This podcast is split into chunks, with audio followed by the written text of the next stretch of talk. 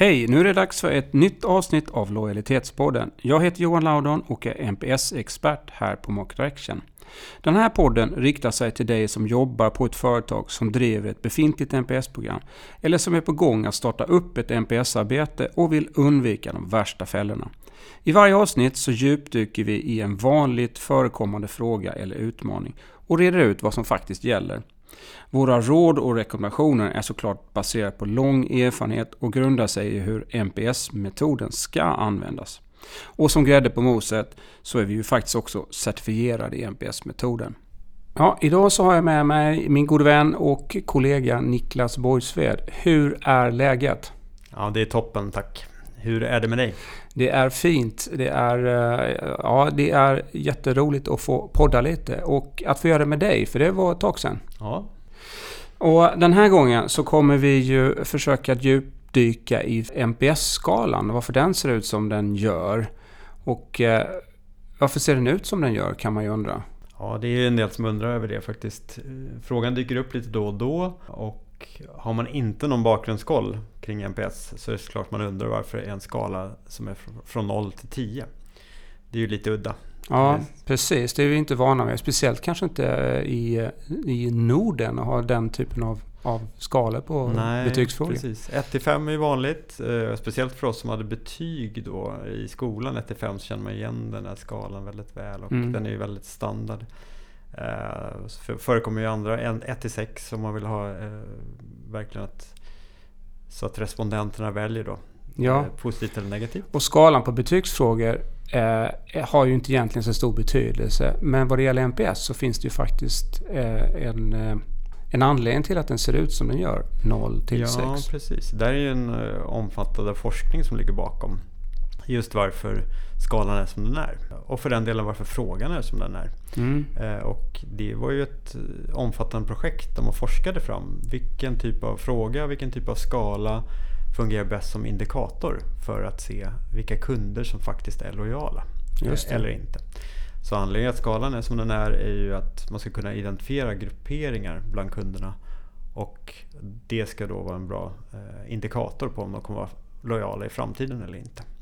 Just det. Eh, och det är därför som många blir fundersamma kring ja, men sex, om man svarar 5 eller 6 på den här skalan då, mellan 0 till 10. Eh, och så hamnar man i detractor-gruppen. Det låter ju väldigt negativt. Medan 5 mm. och 6, om det hade varit en nöjdhetsfråga, hade ju det varit helt okej okay i alla fall. Liksom att det är på den positiva sidan. Och det är inget man ska lägga så mycket värderingar i på det sättet. Och man ska absolut inte kommunicera ut till kunderna Eh, eller till de som svarar på undersökningen kring liksom hur, man, hur man värderar de olika svaren. Utan det har ju att göra med att de som svarar 5 och 6 på, på, på den skalan generellt sett är starkare kopplade till de som svarar lägre på skalan vad gäller mm. lojalitet. Och du sa ju där att, eh, att du, du nämnde det här med detractors så det kanske mm. vi ska eh, förklara vad vi menar med, med det. För man är ju indelad i tre olika grupper mm, beroende på hur man svarar. Exakt, skalan är lite annorlunda, 0 till 10 och mm. de som svarar mellan då 0 till 10 på frågan om hur villig man är att rekommendera eh, eller hur sannolikt det är att man skulle rekommendera. Eh, då kallas man detractor om man svarar mellan 0 till 6 på den skalan. Då. Och 0 är ju då att det inte alls är sannolikt. Exakt. Eh, Medan 10 är att det är mycket sannolikt.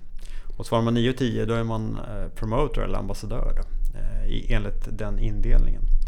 Och så finns det en grupp emellan där, där man är passiv eller passiv. Just det, och det är alltså sju, sjuor och åttor. Mm. Men varför är, varför är det den indelningen? Så här? Varför, varför har det blivit 0 till 6?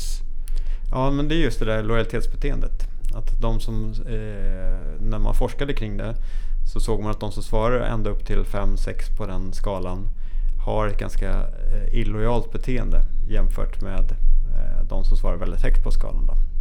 Eh, så att de som är, kallas ambassadörer, 9 och 10 på den här skalan, de har generellt sett ett, eh, en väldigt hög lojalitet om man tittar framåt i tiden. Just så det. är en indikator på framtida lojalitet. Precis. Så, så, det är en väldigt annorlunda frågeställning och annorlunda skala utan en anledning då jämfört med nöjdhetsfrågor. Generellt. Just det. Och det, det, är, och det är inte...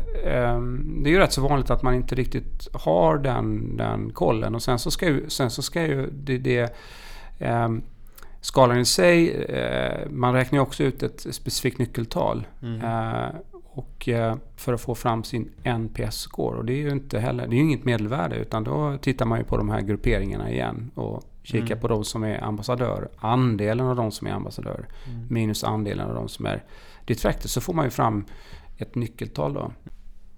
Ja, precis. Men om man tänker på skalan så, um, så en, en sak som man kan säga är att det fungerar väldigt bra i alla fall ut, utifrån de som svarar på frågan. Ja, det är sällan några problem att förstå Nej, hur precis. man ska svara. Nej, men det, men det förekommer en del försök då att, eh, för man blir så inne i det internt, det här med detractors och passives och promoters.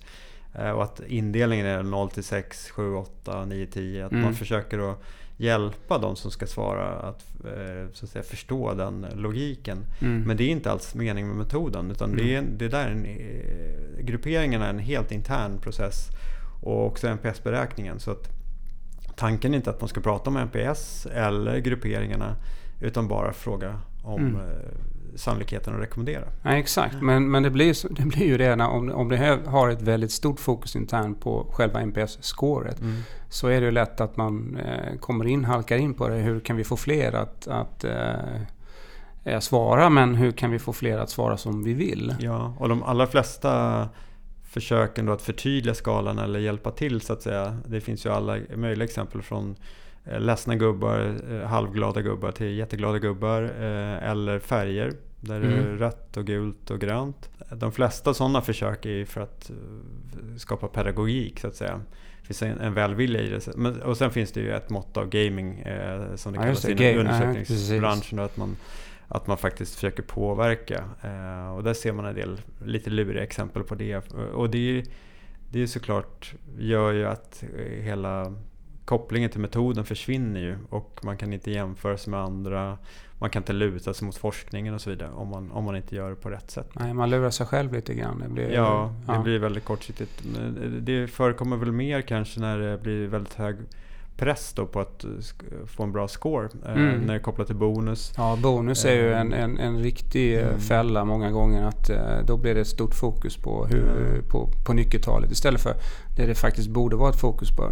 Hur kan vi förbättra kundupplevelsen? Ja, och vilka aktiviteter man genomför för att förbättra för kunderna då. eh, Och få ökat kundfokus, bättre kundupplevelse. Ehm, Det kan vara ökad när, inom sälj och det kanske är eh, när det är distribuerad organisation så att säga med franchise eller när det liksom är många enheter som tävlar lite mot varandra. Då är det väl ökad risk då för så kallad gaming och även i, det finns lite i olika branscher också. Mm. eh, Där det förekommer lite mer. Då. Ja, så man kan väl säga det som vi ser det är ju att eh, bort med gubbar och färgade Mm. skalor och oroa inte för att eh, respondenterna ska förstå skalan, för det gör de. Det fungerar jättebra. Ja men alright, nu har vi ju rätt ut det där, eller hur? Nu förstår alla. Ja, jag Nu hoppas förstår. det. Håll, håll det enkelt och, och liksom håll det till metoden så kan man luta sig mot forskningen. Den är omfattande eh, och har koppling då till lojalitets, ja, indikator för lojalitetsbeteende helt enkelt. Så den Ja. är väldigt intressant. Men man vill inte förstöra den kopplingen genom att eh, ja, anpassa skalan eller att hjälpa eh, Respondent. respondenterna på, Nej. på traven att svara det ena eller andra. Så att säga. Grymt Niklas! Nu har vi ju, nu har vi ju eh, rätt ut det där känns det som. Så att eh, Ja. ja, vi, vi stänger för, eh, för, för idag. Ja, och som vanligt så är man ju alltid välkommen att höra av sig. eller? Ja, ja, ja. Mm. Självklart. Om man har frågor eller så. Alright, Ja. tack ska ni ha. Ha det gött! Ja, tack så mycket. Ha det bra.